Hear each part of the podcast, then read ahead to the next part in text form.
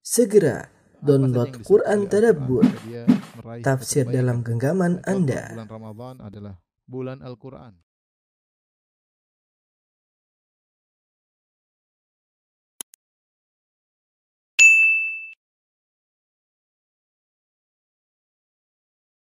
Bismillahirrahmanirrahim. Assalamualaikum warahmatullahi wabarakatuh. Alhamdulillahi ala ihsani wa syukru lahu ala taufiqihi wa amtinani wa asyhadu an la ilaha illallah wahdahu la syarika lahu ta'ziman li sya'ni wa asyhadu anna Muhammadan abduhu wa rasuluh da'ila ridwani Allahumma salli alaihi wa ala alihi wa ashabihi wa ikhwani. Uh, Ibu-ibu dan bapak-bapak yang dirahmati oleh Subhanahu wa taala, telah kita sebutkan tentang eh, nama-nama kitab-kitab suci yang sampai kepada kita ya tentunya kitab suci lebih daripada yang sampai kepada kita. Namun yang sampai kepada kita hanya sedikit informasinya di antaranya adalah suhuf Ibrahim kemudian suhuf Musa atau demikian juga Taurat kemudian Zabur Injil dan Al-Qur'an ya. Itu aja yang sampai kepada kepada kita. Adapun isi kitab-kitab tersebut ya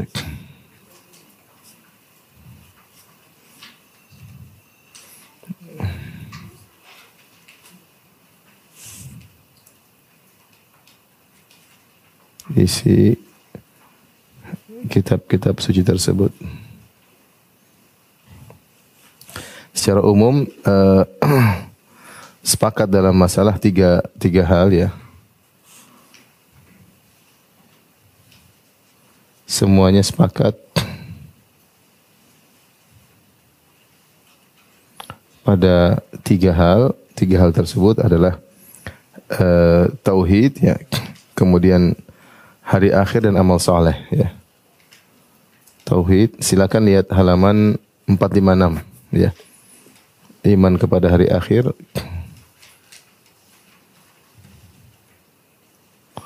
Dan anjuran beramal soleh.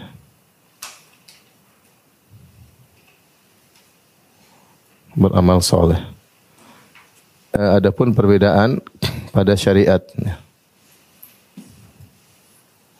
perbedaan pada hukum-hukum hukum-hukum syariat. Dan ini sudah di uh, isyaratkan oleh Nabi sallallahu alaihi wasallam dalam hadisnya kata uh, Rasulullah sallallahu alaihi wasallam wal anbiya'u ikhwatun li allat ummahatuhum syatta wa dinuhum wahid. Kata Nabi sallallahu alaihi wasallam al anbiya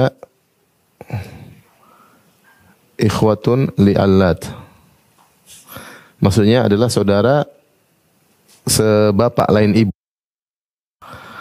Ummahatuhum syatta wa dinuhum wahid. Para nabi ibarat saudara se sebapak sebapak lain ibu. Lain ibu ya. Artinya apa? E, bahwasanya bapak mereka satu maksudnya adalah sama-sama menyuruh kepada tauhid, tetapi syariatnya ber, berbeda-beda ya. Ini secara sederhana. Sehingga kalau kita melihat pada isi kitab-kitab suci tersebut ya, kitab suci tadi sudah sebutkan tidak semuanya. Kitab suci ini adalah Suhuf Ibrahim, terus apa? Taurat, Zabur, kemudian Injil dan Al Al-Qur'an. Ini yang sampai kepada kepada kita. Tentu mungkin ada kitab-kitab suci yang lainnya karena para rasul banyak. Tapi yang sampai kepada kita cuma ini ya. Ada satu, dua, tiga, empat, lima. Nah, secara global seluruh kitab-kitab suci ya, di antaranya lima ini ada titik kesepakatan, titik sepakat dan ada titik perbedaan. Kesepakatannya tiga hal sebagaimana disyaratkan oleh Ibnu Qayyim rahimahullah dalam Aswa'iqul Mursalah ya. Uh, beliau berkata al-usul thalatha allati tafaqa 'alaiha jami'ul milal wa ja'at biha jami'ur rasul hiya al-iman billah wal yaumil akhir wal amal salihah. Tentang iman kepada Allah itu tauhid, iman kepada hari akhir dan amal saleh. Adapun perbedaannya yaitu pada hukum-hukum syariat, hukum-hukum fikih sebagaimana Nabi telah mengatakan al-anbiya uh, abnaun uh, ikhwatun li allad. Nah, para nabi itu adalah seperti saudara-saudara sebapak. Ibunya berbeda-beda, tapi bapaknya satu. Artinya tauhid tapi syariatnya berbeda-beda ya. Maksudnya adalah semua di atas tauhid menyeru kepada tauhid meski syariat berbeda-beda. Syariat berbeda-beda karena sesuai dengan kondisi umat-umat tersebut di zaman itu, ya. Tentunya hukum-hukum fikih yang berlaku di zaman Nabi Nuh tidak sama dengan hukum fikih yang berlaku di zaman kita ya. Oleh karenanya hukum-hukum fikih yang berlaku misalnya di zaman uh, Nabi Musa ternyata ada perubahan di zaman Nabi Isa alaihissalam. Demikian juga yang berlaku di zaman Nabi Isa berbeda dengan yang berlaku di zaman Nabi Muhammad sallallahu alaihi wasallam. Tapi ini secara secara global, isinya secara global ya. Kandungan global.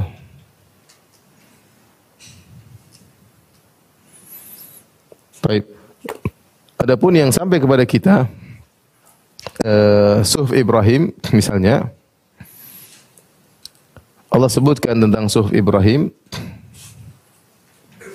Lihat halaman 457 ya, lihat halaman 457. Suhuf artinya lembaran-lembaran ya, lembaran-lembaran yang Allah turunkan untuk Nabi Ibrahim alaihissalam. Kata Allah dalam surat Al-A'la, "Inna hadza la fi suhufil ula, suhufi Ibrahim wa Musa." Sungguhnya yang demikian itu sudah ada dalam kitab-kitab terdahulu. Pada lembaran-lembaran yang diturunkan kepada Ibrahim dan juga yang diturunkan kepada Nabi Musa alaihissalam. Apa isinya? Allah sebut dalam surat Al-A'la. Ya. Eh, Qad aflaha man tazakka wa dzakara asma rabbih fasalla.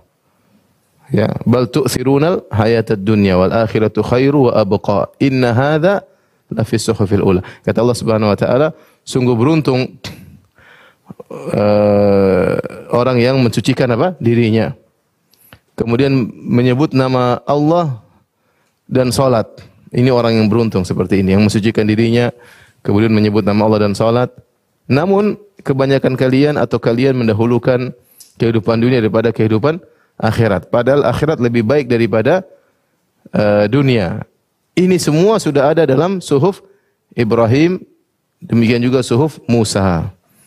Jadi ternyata si suhuf Ibrahim dan suhuf Musa tadi, qad aflaha man tazakka wa dzakara rasma rabbih fa shalla bal tu'thirul hayatad dunya wal akhiratu khairu wa abqa. Ini materi tersebut ada dalam uh, suhuf Ibrahim dan suhuf Musa. Demikian juga Allah isyaratkan isi dari suhuf Ibrahim dalam surat An-Najm ayat 36 39. Kata Allah Subhanahu wa taala, "Al am lam yunabba bima fi suhufi Musa wa Ibrahim alladhi waffa." Bukankah sudah pernah dikabarkan di dalam suhuf Musa? Suhuf Musa itu Taurat ya. Dan begitu pula pada suhuf Ibrahim yang telah menyampaikan apa isinya. Allah taziru waziratu wizra ukhra. Bahwasanya seorang itu tidaklah menanggung dosa yang diperbuat oleh orang lain wa allaisa lil insani illa ma dan bahwasanya manusia tidak akan mendapatkan balasan kecuali dari apa yang dia perbuat. Ini ada juga bukan cuma dalam Al-Qur'an, tapi ada dalam suhuf Ibrahim dan juga suhuf Musa. Apa? Allah taziru waziratu wizra ukhra. Seorang tidak akan menanggung dosa orang lain dan seorang tidak akan mendapatkan balasan sesuai akibat per perbuatannya. Itu bukan cuma dalam Al-Qur'an saja. Makanya Allah mengatakan amlam yunabba bima fi suhufi Musa wa Ibrahim alladhi waffa. Tidakkah dia telah dikabarkan tentang apa yang terdapat dalam suhuf Ibrahim dan suhuf Musa? Apa isi dalam suhuf Ibrahim suhuf Musa? Allah taziru waziratun wizra ukhra. So, seorang tidak akan menanggung dosa orang lain. Wa allaisa lil insani illa ma dan seorang tidak akan mendapatkan ganjaran kecuali dari apa yang dia perbuat. Lihat Taurat, di Taurat juga tentu isinya banyak ya. Tapi kita tahu bahwasanya Taurat itu mengalami uh, perubahan-perubahan. Ada tangan-tangan nakal yang merubah isi Taurat. Tetapi ada sebagian isi Taurat yang dipastikan kebenarannya. Kenapa? Karena Allah mengabarkan kepada kita isinya tersebut. Ya. Di antaranya lihat halaman 458. Ya. Uh, Kata Allah Subhanahu wa taala tentang Taurat, "Wa katabana lahu fil alwahi min kulli syai'in mau'izatan wa tafsilan li kulli syai'." Dan kami telah tulis un, tulis untuknya yaitu untuk Nabi Musa alaihissalam fil alwah dalam lembaran-lembaran. Lembaran-lembaran terbuat dari uh, batu, lembaran-lembaran batu. Di situ Allah tuliskan Taurat. Min kulli syai'in. Kami tuliskan segala sesuatu, segala nasihat, mau'izatan wa tafsilan li kulli syai'. Nasihat dan perincian atas segala sesuatu yang dibutuhkan oleh kaum Nabi Nabi Musa. Jadi di antara keistimewaan Taurat, Allah menulis Taurat langsung di lembaran-lembaran batu, ya. Allah tuliskan langsung. Entah bagaimana caranya urusan Allah Subhanahu wa taala. Jadi lembaran-lembaran batu tersebut dipukul oleh Nabi Musa dibawa kepada kaumnya. Inilah uh, perintah Allah Subhanahu wa taala. Ya. Jadi Taurat disebut juga dengan Taurat, disebut juga dengan sebagiannya berupa alwah ditulis oleh Allah dalam lembaran-lembaran batu dan sebagian tulis dengan suhuf. Ditulis dalam lembaran-lembaran kertas suhuf di Taurat. Jadi Taurat ada alwahnya, ada lembaran-lembaran batu, ada lembaran-lembaran apa? Kertas. Yang semua ini adalah kitab suci yang diturunkan kepada Nabi Musa. Kitab suci yang diturunkan kepada Nabi Musa.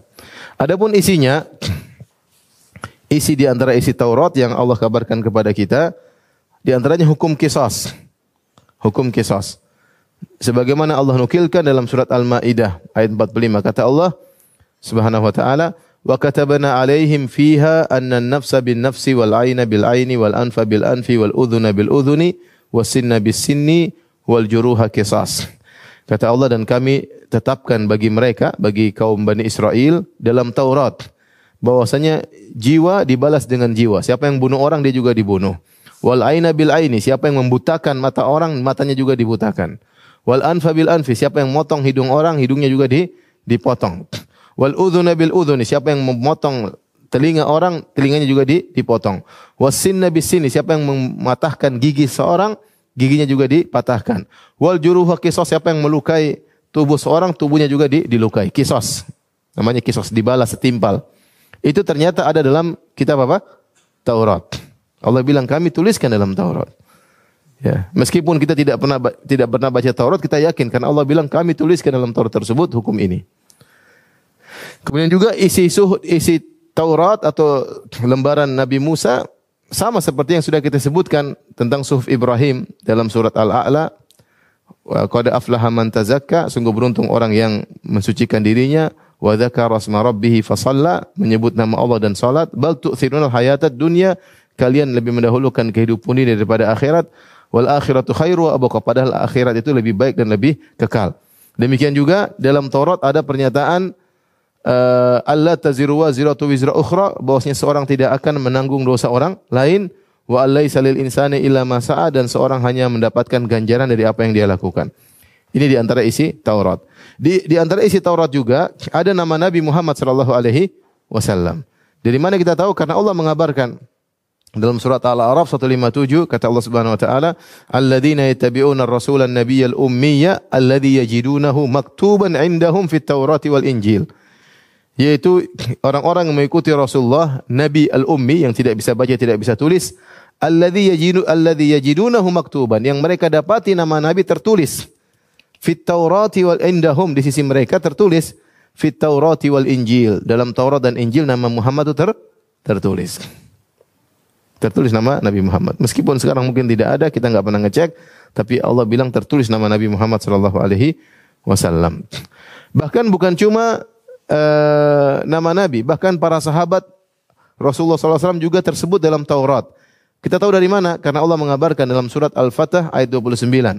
Kata Allah Subhanahu wa taala, Muhammadur Rasulullah, Muhammad adalah utusan Allah, walladzina ma'ahu asyidda'u 'alal kuffari ruhama'u bainahum dan para sahabat yang bersamanya tegas terhadap orang-orang kafir dan kasih sayang di antara mereka, tarahum ruk'an sujada yabtaguna fadlan minallahi wa ridwana.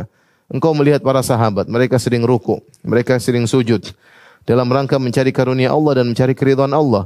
Simahum fi wujuhihim min athari sujud. Dan ciri khas mereka ada pada wajah-wajah mereka bekas sujud. Kata Allah, "Dzalika mathaluhum fit Taurat."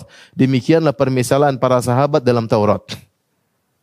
Demikianlah permisalan sahabat dalam apa? Taurat. Jadi ternyata para sahabat, sahabat Nabi Muhammad SAW sudah dipuji dalam apa? Taurat. Ini di antara isi-isi Taurat yang sampai kepada kita, yang Allah nukilkan. Demikian juga hukum rajam. Hukum rajam juga ada dalam Taurat. Juga ada dalam Taurat. Sebagaimana di zaman Nabi terungkap hukum rajam tersebut, ternyata di buka Taurat ada hukum rajam. Saya bacakan hadis dari Ibnu Umar kisah tentang orang-orang uh, Yahudi yang berzina. Orang-orang Yahudi berzina, mereka merubah hukum ketika mereka berzina, mereka tidak rajam, tapi mereka taruh di atas himar, dibalikkan, kemudian mereka arak, mereka kasih warna-warna hitam, dipermalukan, tapi tidak dirajam. Tapi tidak di, dirajam. Ya. Uh, sampai di antara mereka ketika melakukan perzinahan, uh, awalnya rajam hanya diterapkan pada orang-orang kecil, hanya orang-orang rakyat jelata. Ketika pembesar-pembesar mereka melakukan zina, maka mereka mencari hukum alternatif. Mereka tidak ingin merajam karena yang melakukan perzinahan adalah orang-orang uh, pembesar-pembesar. Akhirnya mereka rubah hukum rajam menjadi hukum tadi hanya sekedar dicoret-coret wajahnya, kemudian diletakkan di atas himar, dipermalukan, diarak, dipermalukan, tapi tidak di dirajam. Ya, sehingga mereka membedakan antara hukum rakyat jelata dengan hukum para para pembesar. Dan ini yang telah disebutkan oleh Nabi sallallahu alaihi wasallam ketika ada seorang wanita dari Bani Makhzum dari Quraisy mencuri sehingga mereka ingin uh, hukum potong tangan digugurkan, maka Rasulullah SAW pun marah. Rasulullah SAW mengatakan, Innama ahlaka man kana qablakum. Ya, sungguhnya yang membinasakan orang-orang sebelum kalian di antaranya ahlul kitab Ya, jika yang melakukan perbuatan tersebut adalah orang-orang miskin, aqamu alaihil had, maka mereka tegakkan hukum had. Tetapi kalau yang melakukan adalah syura, uh, apa asyrafuhum orang-orang mulia di antara mereka, maka mereka tidak tegakkan hukum had. Kemudian Nabi SAW berkata, Lau anna Fatimah binta Muhammadin sarakat, laqata'tu yadaha. Seandainya Fatimah putri Muhammad mencuri, aku akan potong tangannya. Aku akan potong tangannya. Artinya Rasulullah SAW melarang membedakan hukum antara rakyat jelata dengan para para pembesar. Nah, orang Yahudi kalau orang-orang miskin yang melakukan zina mereka rajam, tapi ketika para pembesar melakukan zina, maka mereka mencari hukum alternatif, di antaranya mereka rubah hukum. Sampailah di zaman Nabi SAW, ada lelaki Yahudi sama wanita Yahudiyah berzina. Kita bacakan hadisnya. Kata Ibnu Umar, "Annal Yahud ja'u ila Rasulillah sallallahu alaihi wasallam." Orang-orang Yahudi datang kepada Nabi sallallahu alaihi wasallam. Fadzakaru lahu anna rajulan minhum imra'atan zanaya. Mereka menyebutkan bahwasanya ada seorang laki dan wanita Yahudiyah berzina. Ya. Faqala lahum Rasulullah sallallahu alaihi wasallam, Rasulullah SAW berkata kepada mereka, "Ma tajiduna fi Taurati fi sya'ni rajam?" Bagaimana yang kalian dapat di dalam Taurat tentang masalah rajam? Faqalu tafdahu nafdahuhum wa yujladun. Tidak dirajam ya Rasulullah. Wahai Muhammad tidak dirajam. Dalam Taurat hanya dipermalukan dan dicambuk aja, tidak dirajam. Faqala Abdullah bin Salam, Abdullah bin Salam radhiyallahu anhu sahabat yang asalnya pendeta Yahudi kemudian masuk Islam, dia hadir ketika itu dia berkata, "Kadzabtum." Kalian dusta, inna fiha rajam. Sungguhnya dalam Taurat disebutkan ada rajam. Fa'atau bit Taurati fanasharuha. Maka mereka pun mendatangkan Taurat lalu mereka membukanya. Nasyaru itu membuka. Taurat cara bukanya kan apa? Dibuka lebar. Bukan seperti kita dibuka begini. Taurat cara bacanya gitu dibuka,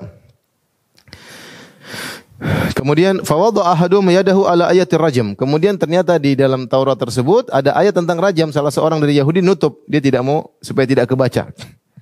Faqara'a ma qablaha wa ma ba'daha. Kemudian dia baca Taurat sebelum dan sesudahnya. Faqala lahu Abdullah bin Salam, Abdullah bin Salam radhiyallahu anhu berkata, "Irfa yadak, angkat tanganmu." Farafa yadahu, kemudian dia angkat tangannya fa idza fiha ayatul rajam.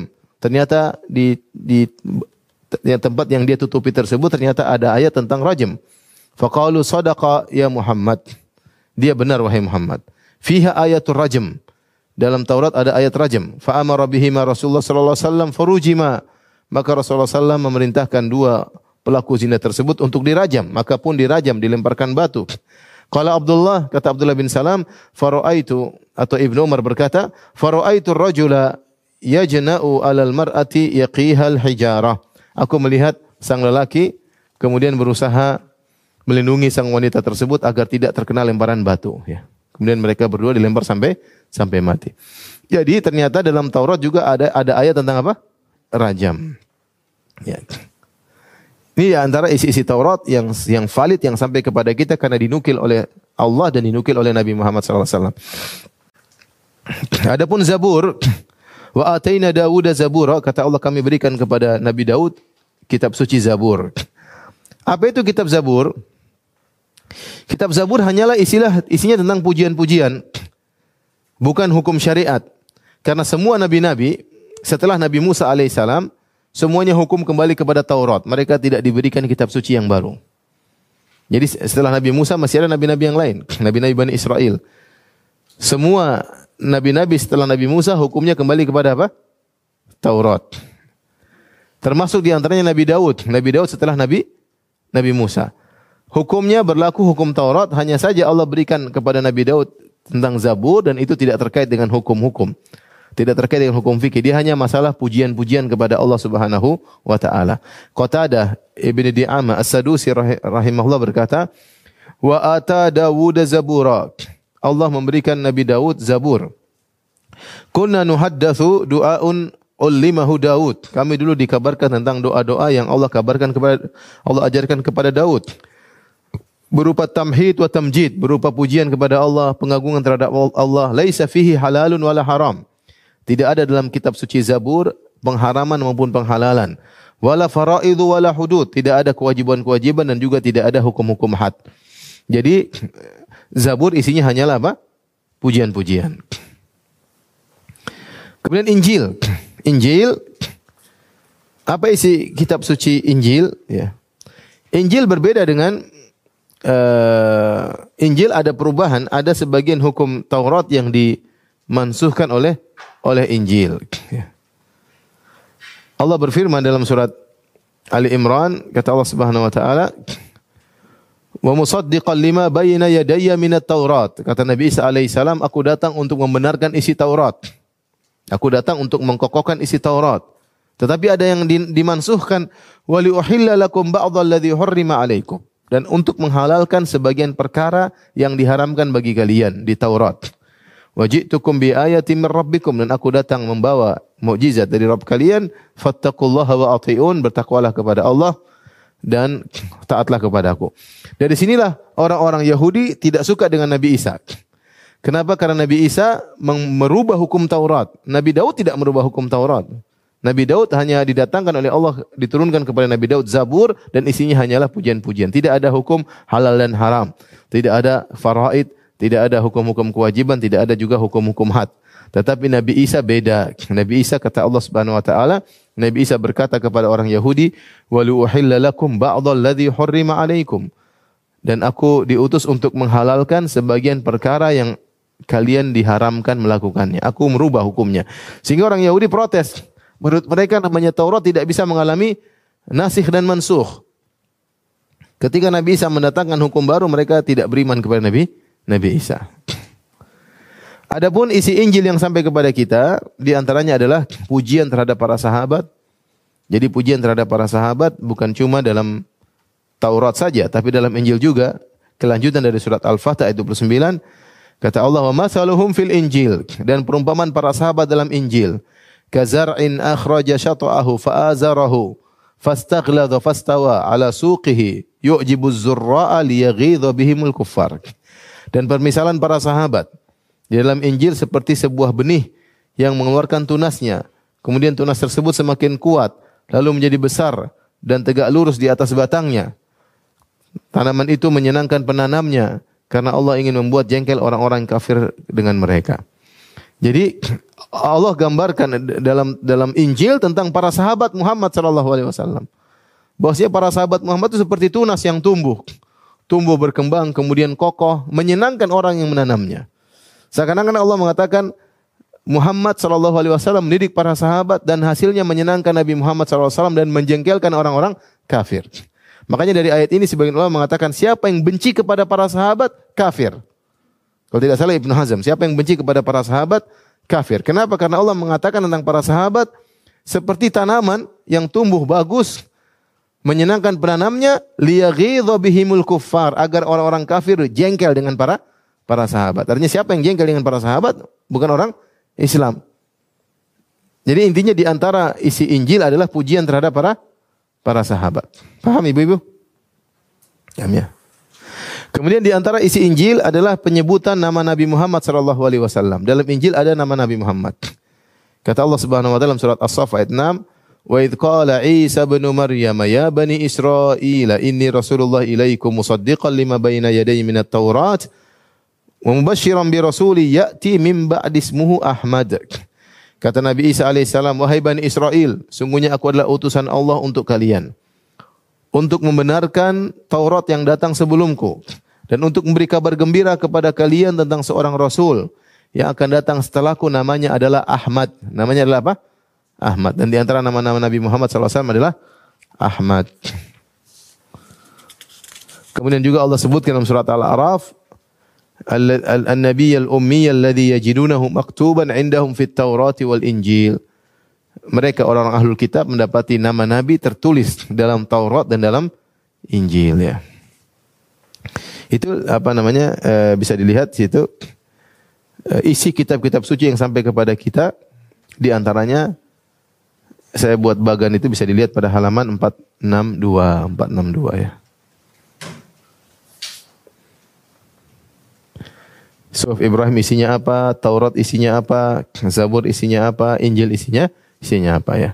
Ini artinya yang otentik yang bisa terjaga. Adapun selain daripada ini kita Allah alam, kita nggak tahu. Karena kita tahu bahwasanya keotentikan kitab-kitab suci sebelum Al-Qur'an tidak bisa dipertanggungjawabkan. Ya, banyak perubahan-perubahan, banyak kontradiksi di antara isi-isinya sehingga sulit untuk di uh, pertanggungjawabkan. Berbeda dengan Al-Qur'anul Karim. Baik, kita lanjut halaman 463 Ibu yang dirahmati Allah Subhanahu wa taala. Sekarang tentang keistimewaan Al-Qur'an.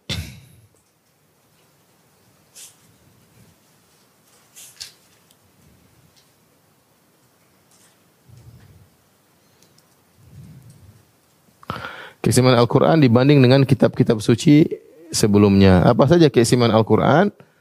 Uh, di sini akan saya sebutkan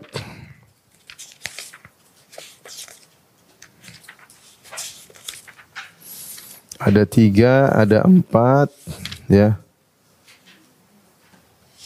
Empat sisi ya, empat sisi keistimewaan, ya. Yang pertama adalah mudah dihafal dan difahami mudah ya. Kemudian Al-Quran adalah yang pertama, yang kedua Al-Quran adalah mukjizat.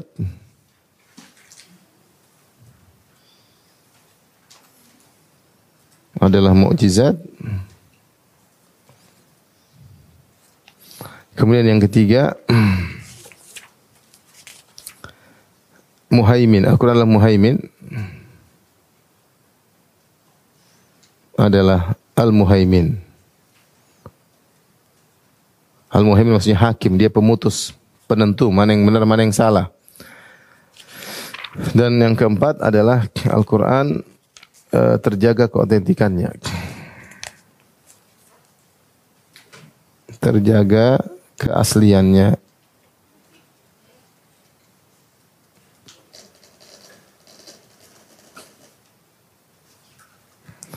Terjaga keasliannya. Baik, adapun yang pertama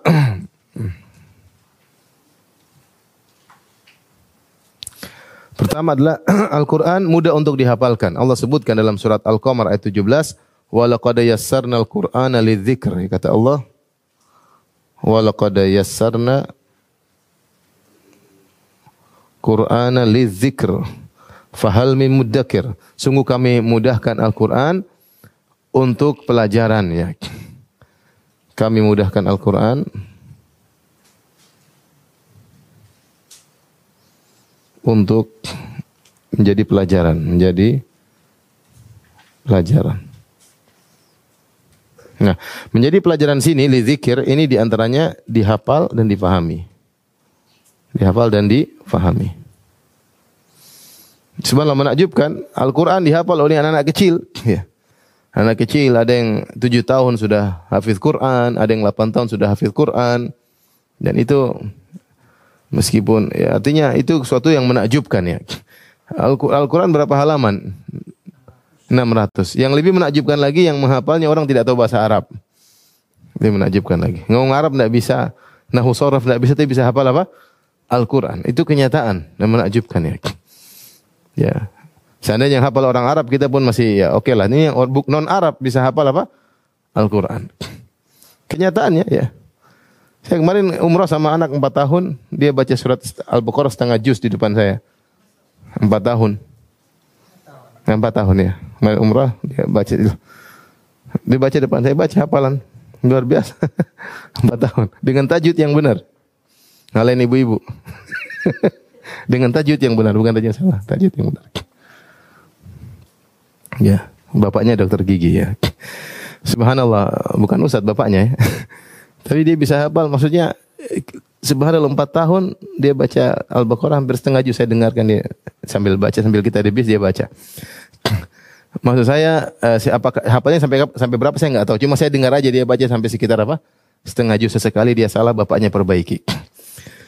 Tapi maksudnya bukti bahwasanya Al-Qur'an memang mudah untuk di, dihafalkan ya.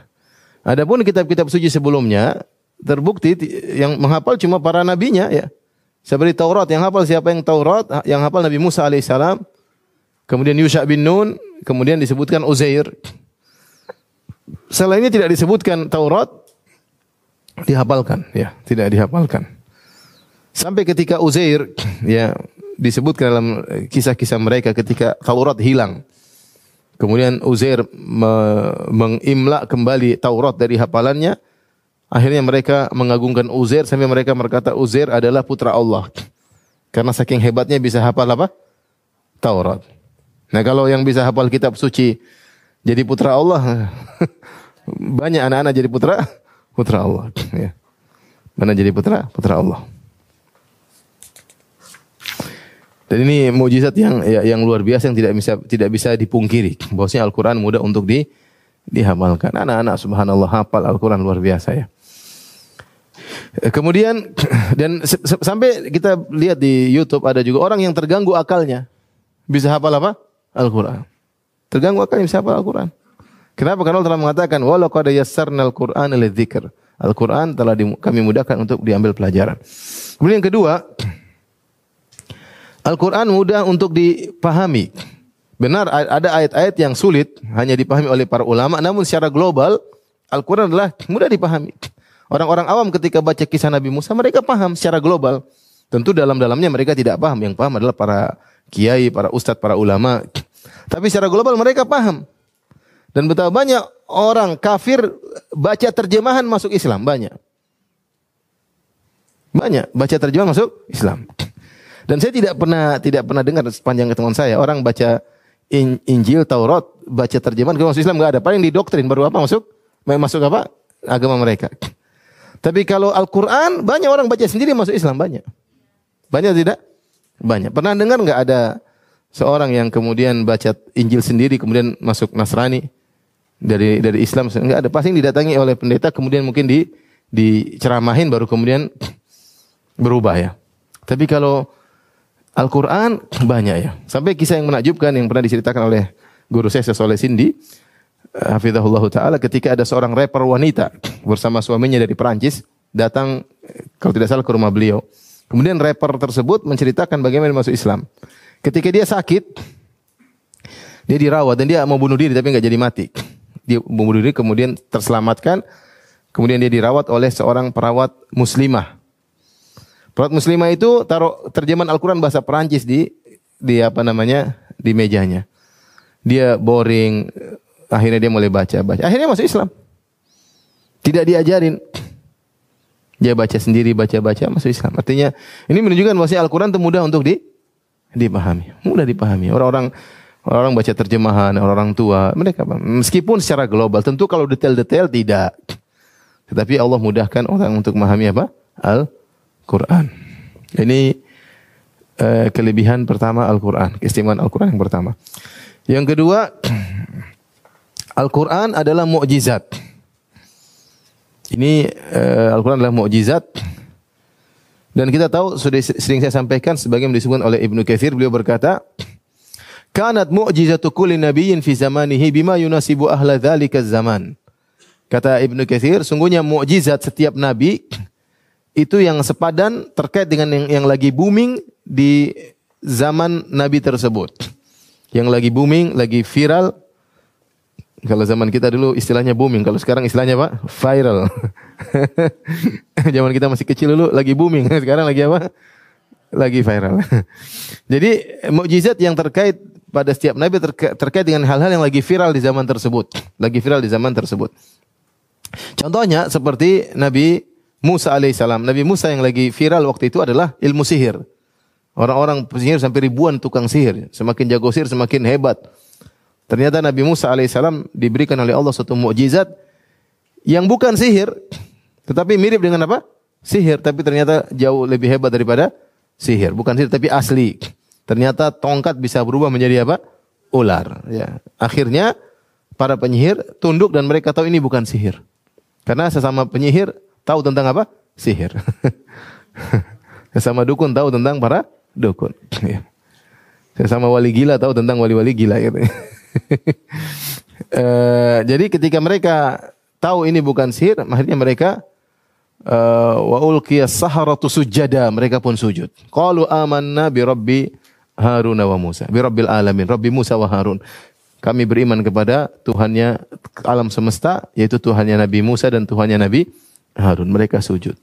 Ketika mereka tahu ternyata yang dibawa oleh Nabi Musa bukanlah sihir. Karena benar-benar tongkat berubah menjadi menjadi ular, benar-benar unsur kayu berubah menjadi unsur hewan. Lain halnya dengan apa yang mereka lakukan.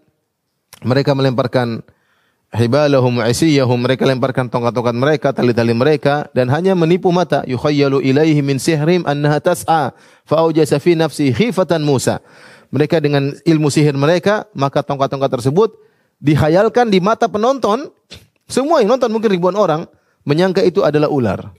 Kata Allah waja'u bi sihrin azim. Mereka mendatangkan sihir yang hebat. Wastarhabuhum dan buat orang-orang menjadi takut. Kenapa? Karena ribuan penonton semuanya tersihir, termasuk Nabi Musa alaihissalam. Nabi Musa akhirnya ketakutan, yukhayyalu ilai, dikhayalkan. Kata Allah, dikhayalkan kepadanya. Seakan-akan tali-tali tersebut menjadi ular. Makanya kata Allah, la takhaf, Alqima fi yaminik. Wahai Musa, jangan kau takut, lemparkan tongkatmu di tangan kananmu. Talqaf ma sona'u, akan jadi ular dan makan semua ular mereka. Ketika Musa alaihissalam melemparkan tongkatnya jadi ular betulan dan makan tongkat-tongkat tersebut, tongkatnya para penyihir, mereka tahu ini bukan penyihir. Akhirnya mereka masuk Islam. Uh, kemudian ini kenapa yang, yang yang lagi viral waktu itu adalah sihir. Contohnya seperti di zaman Nabi Yusuf alaihissalam, yang lagi viral adalah kemampuan untuk menafsirkan mimpi. Orang-orang bangga-banggaan bisa menafsirkan apa? Mimpi. Namun ketika mereka menafsirkan tidak bisa 100%. Pasti ada kesalahan. Allah memberikan mukjizat kepada Nabi Musa. Dia bisa menafsirkan mimpi 100% benar. Eh Nabi apa? Nabi Yusuf. Allah berikan kepada Nabi Yusuf alaihissalam mukjizat. Beliau bisa menafsirkan mimpi 100% benar. Enggak ada salahnya sama sama sekali. Dan bahkan menafsirkan mimpi yang mereka semua tidak mampu menafsirkannya, yaitu mimpi sang raja.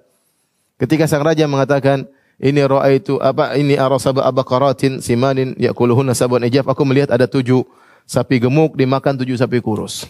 Kemudian ada tujuh bulir hijau, tujuh bulir kering.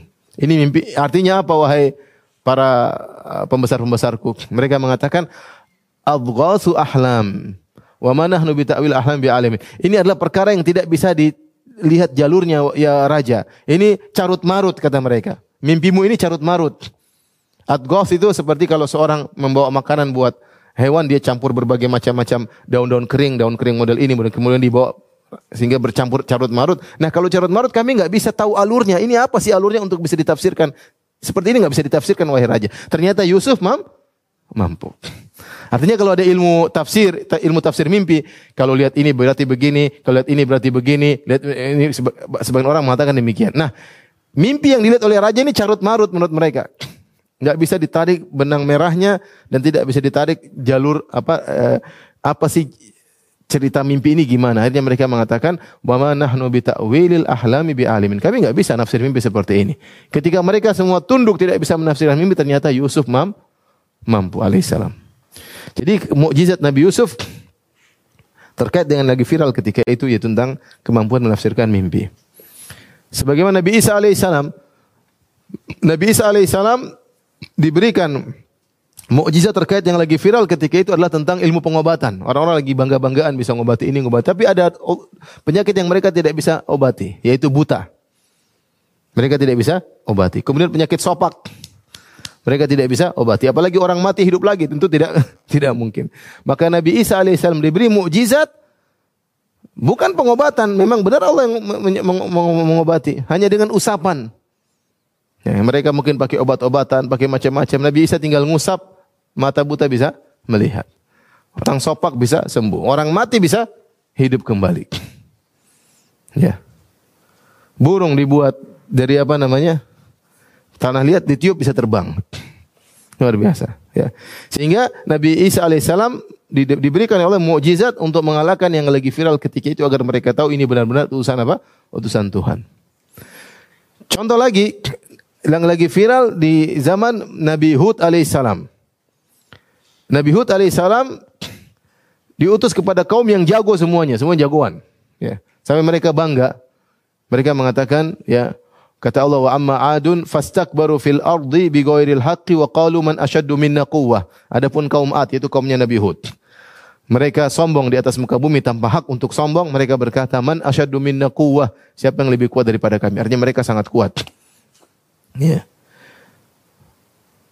Uh, mereka sangat tubuh mereka besar. Bahkan mereka kalau ingin menghancurkan suku lain diutus cuma satu orang aja, satu orang aja ngancurin suku sana. Dia jago.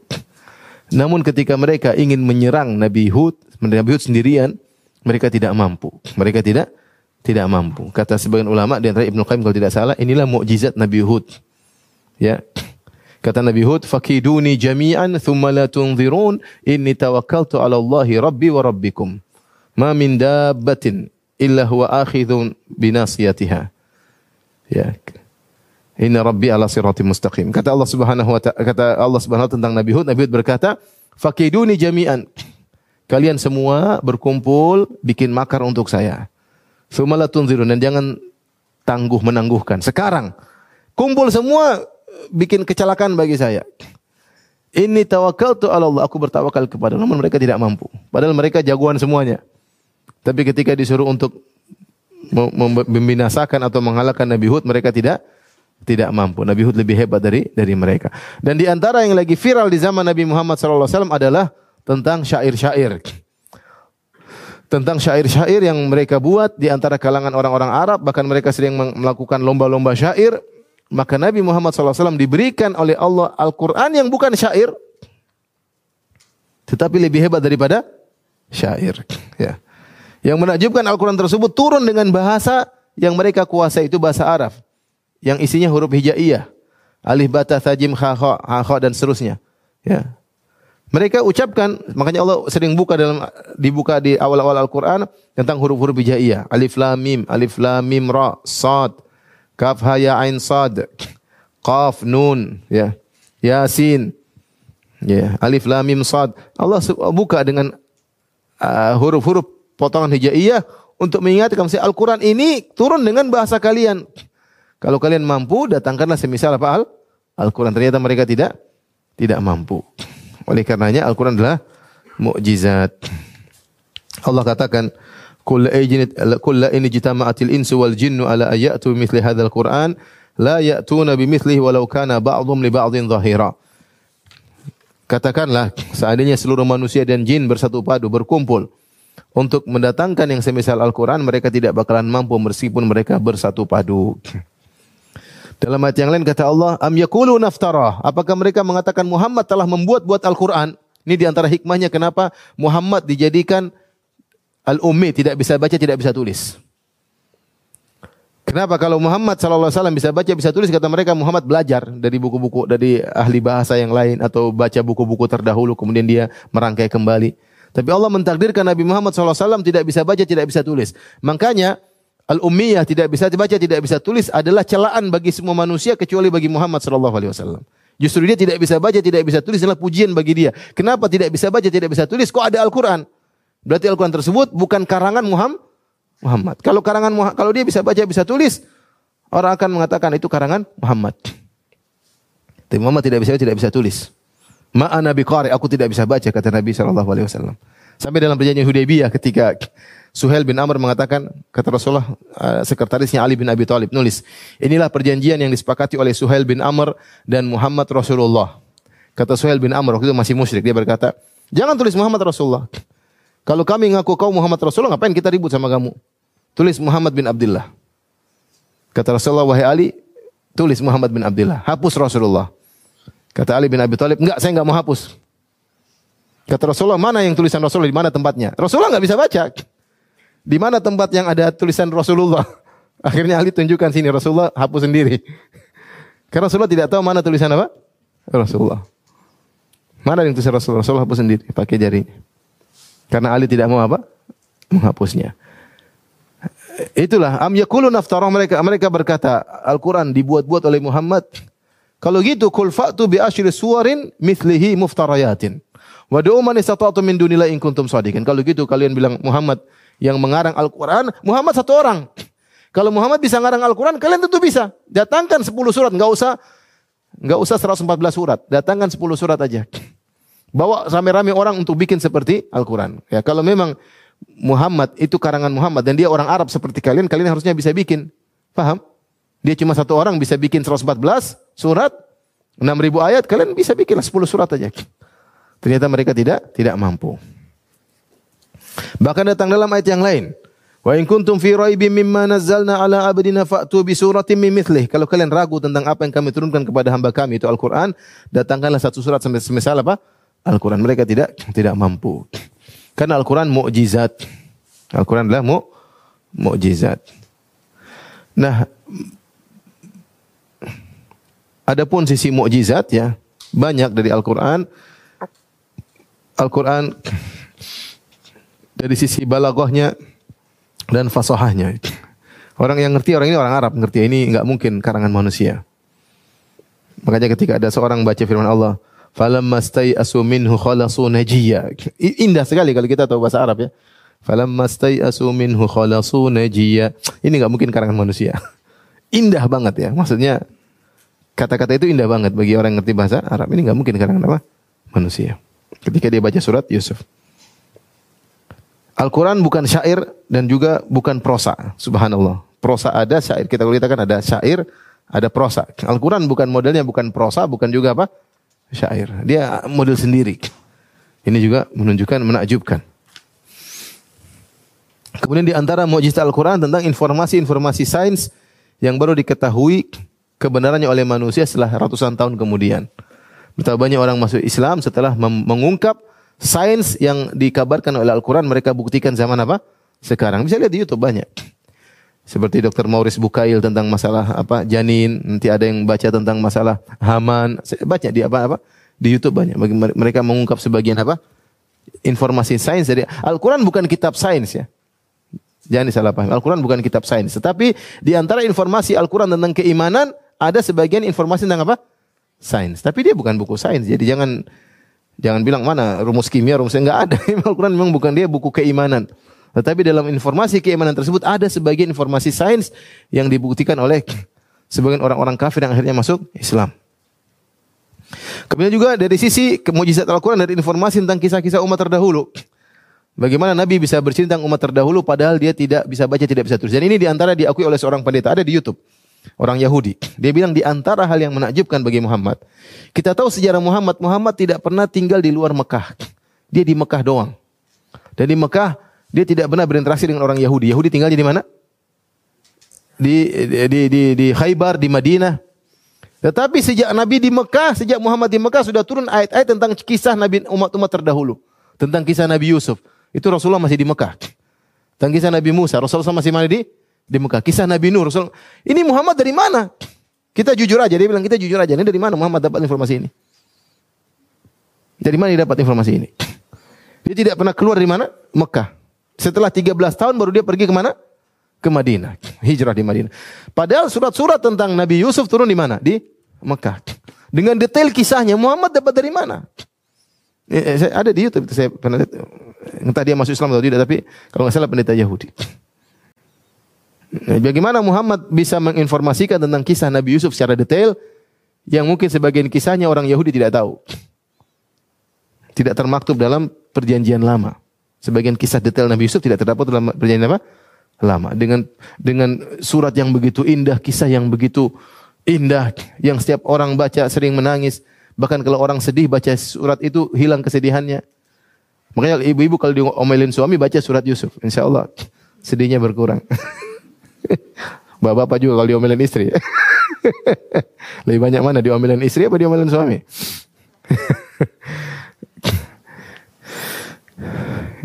Kemudian juga di antara sisi mukjizatnya Al-Qur'an meskipun 6000 ayat lebih namun tidak terjadi kontradiksi. Tidak terjadi kontradiksi sama sekali. Allah mengatakan afala yatadabbarun al-Qur'an. Kalau kana min indi ghairillahi lawajadu fi ikhtilafan katsir. Apakah mereka tidak mentadaburi Al-Qur'an? Kalau mereka seandainya Al-Qur'an bukan dari Allah, pasti terjadi apa kontradiksi. Ya pasti lupa. Apalagi Al-Qur'an turun berapa tahun? 23 tahun, ya. Pasti lupa yang dulu, lupa. Carut marut ngomong ini, kemarin ngomong ini, Al-Qur'an tidak. Dari sisi pengaruhnya juga, eh, demikian Al-Quran banyak sekali sisi pendalilan akal.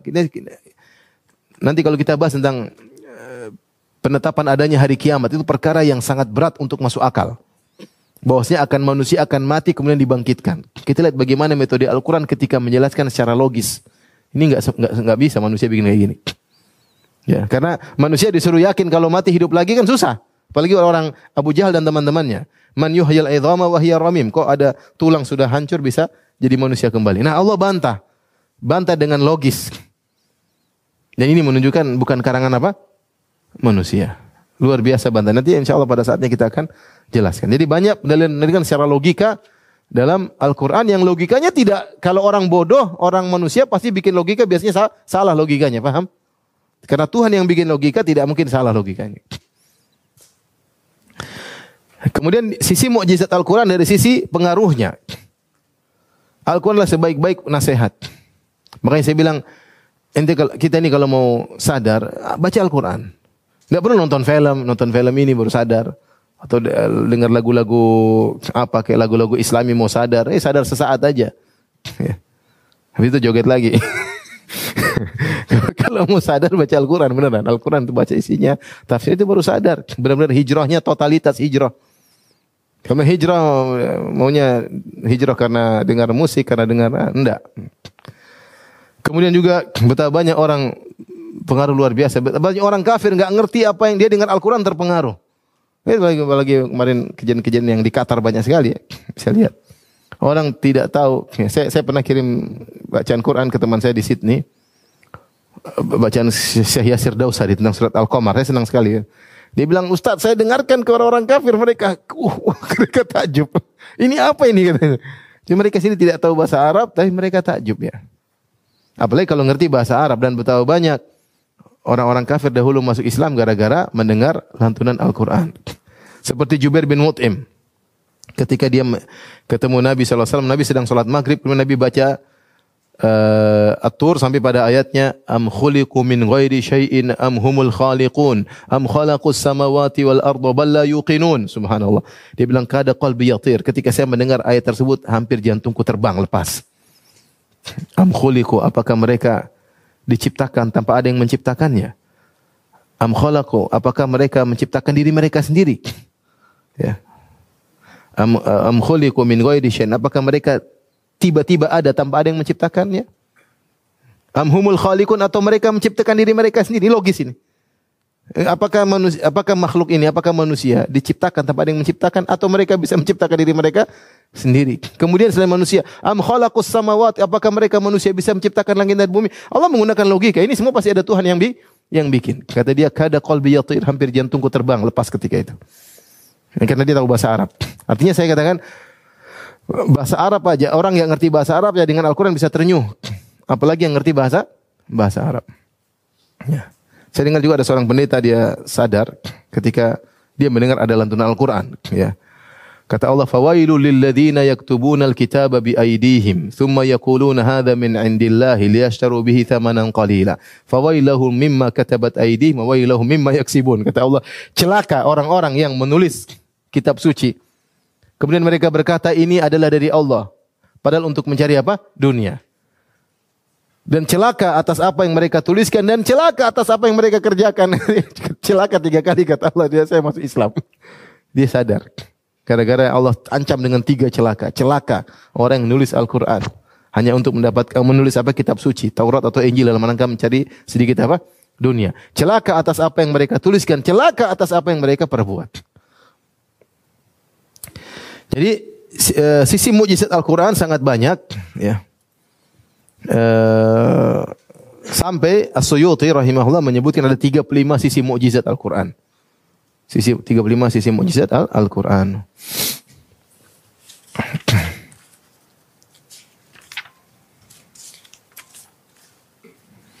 Taib kita tutup pembahasan tentang masalah perkesalahan sebagian ahlul kalam tentang masalah mukjizat. Sebagian ahlul kalam mereka memiliki dua kesalahan. Ya, jadi sisi mukjizat Al-Qur'an sangat banyak. Sekitar 35 sisi mukjizat. Adapun kesalahan sebagian ahlul kalam ahli filsafat ahlul kalam dua sisi yang pertama membatasi sebagian Ibnu Qayyim sebagian penjelasan Ibnu Qayyim rahimahullahu taala membatasi mukjizat Al-Qur'an pada sebagian sisi saja.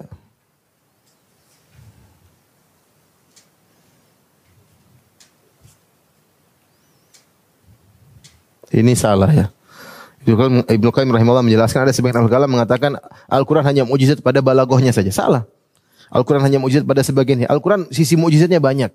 Itu yang kita ketahui. Mungkin lebih daripada itu lebih banyak lagi. Ya. Tapi sisi mujizat Al-Quran sangat sangat banyak. Kesalahan kedua, ini akidah sirfah ya. Akidah namanya uh, sorfah, as-sorfah ya.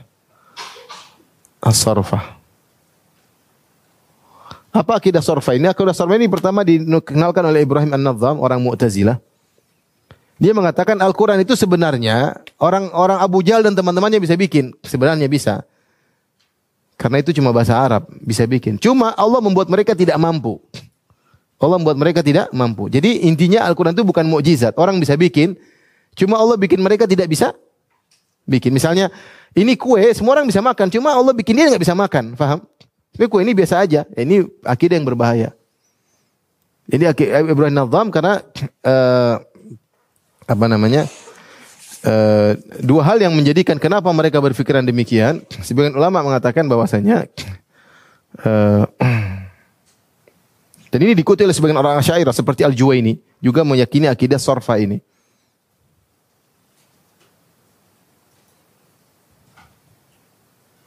Karena mereka punya kaidah takdimul akal ala nakal, akal didahulukan. Kata mereka secara akal Al-Qur'an ini bahasa Arab. Abu Jal dan teman-temannya juga bisa bahasa Arab. Harusnya mereka bisa bikin seperti apa? Al-Quran. Cuma kenapa mereka nggak bisa? Allah bikin mereka tidak mampu. Paham? Orang Allah bikin manusia semua tidak mampu. Jadi kalau hakikat dari pernyataan ini, Al-Quran sebenarnya biasa-biasa saja. Paham? Cuma orang tidak mampu dibuat untuk membuat semacam apa? Al Al-Quran. Seperti ada kue atau seperti angkat ada ada ada 10 kilo, sebenarnya bisa diangkat. Cuma Allah bikin dia tidak mampu tidak mau paham. Sebenarnya 10 kilo biasa-biasa saja, dimampui untuk diangkat. Cuma Allah bikin manusia tidak bisa ngangkat. Ini logika sederhana. Ini akidah yang batil. Jadi seakan-akan Al-Quran sendiri tidak memiliki keistimewaan. Ibnu Katsir berusaha menafsirkan Ibnu Katsir punya penafsiran mereka Ibnu Katsir mengatakan karena orang Mu'tazilah mengatakan Al-Qur'an makhluk. Nah, kalau makhluk berarti bisa di, di, di, dibikin oleh manusia. Karena mereka punya akidah Al-Qur'an itu apa mah? Makhluk, bukan firman Allah. Kalau kita Al-Quran sifat Allah, firman Allah, Allah berbicara. Dan sehingga ketika itu firman Allah, tidak ada yang bisa bikin seperti apa? Al-Quran. Tidak ada yang bisa menyamai firman Allah subhanahu wa ta'ala. Nah akhirnya ini akidah Mu'tazila, Ibrahim Nazam, kemudian diikuti oleh sebagian orang Asy'ar seperti Al-Juwaini, ini akidah yang batil, akidah yang sesat ya. Maka tidak boleh di, diikuti. Tapi sampai di sini saja. Insya Allah kita lanjutkan pada pertemuan berikutnya di kesempatan yang lain. Allah alam bisawab. Wabillahi taufiq hidayah. Assalamualaikum warahmatullahi wabarakatuh. Subhanakallah bihamdik.